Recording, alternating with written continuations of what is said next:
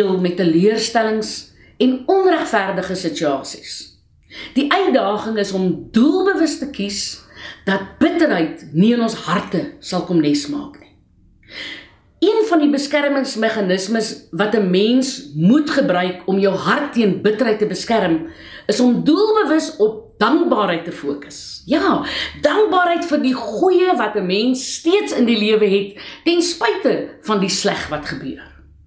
Het jy geweet? 'n Dankbare mens is nooit 'n gevaarlike mens nie. Och, maar jong, 'n ondankbare mens daarenteen is 'n onaangename as ook 'n baie gevaarlike mens. In die wetenskap van positiewe sielkunde is dit bewys dat dankbaarheid die belangrikste gesindheid is wat 'n mens kan kweek. Onlangse studies het ook getoon dat dankbaarheid direk verbind kan word met welstand. Die programmering in die brein kan oor tyd verander word deur dankbaarheid te beoefen. Ja, dit is nou bewys.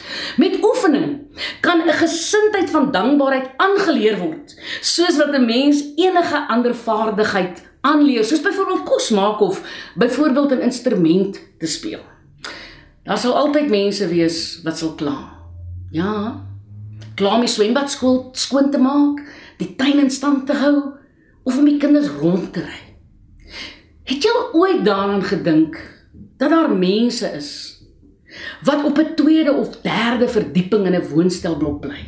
En wat sal gee om 'n tuin of 'n swembad te hê wat hulle in stand kan hou? Daar's mense wat kinderloos is en baie geld spandeer aan vrugbaarheidsprogramme om tog net 'n kind te hê. En jy? Ja, jy klaar. Kan ons nie maar net op 'n punt kom en ophou kla nie? Hm? Ek daag jou uit om doelbewus met dankbaarheid te leef. Jou lewe is dalk nie perfek nie, maar jy het eintlik soveel om voor dankbaar te wees. Man, luister nou mooi vir my. Kies vandag doelbewus om dankbaar te leef. Dit kan slegs gebeur wanneer jy jouself instel op die kanaal van dankbaarheid. Dankbaarheid is so suurstof. Dit hou jou aan die lewe ten spyte van besoedeling daar buite. Jy moet dit eenvoudig net hê. En dit is slegs 'n keuse weg.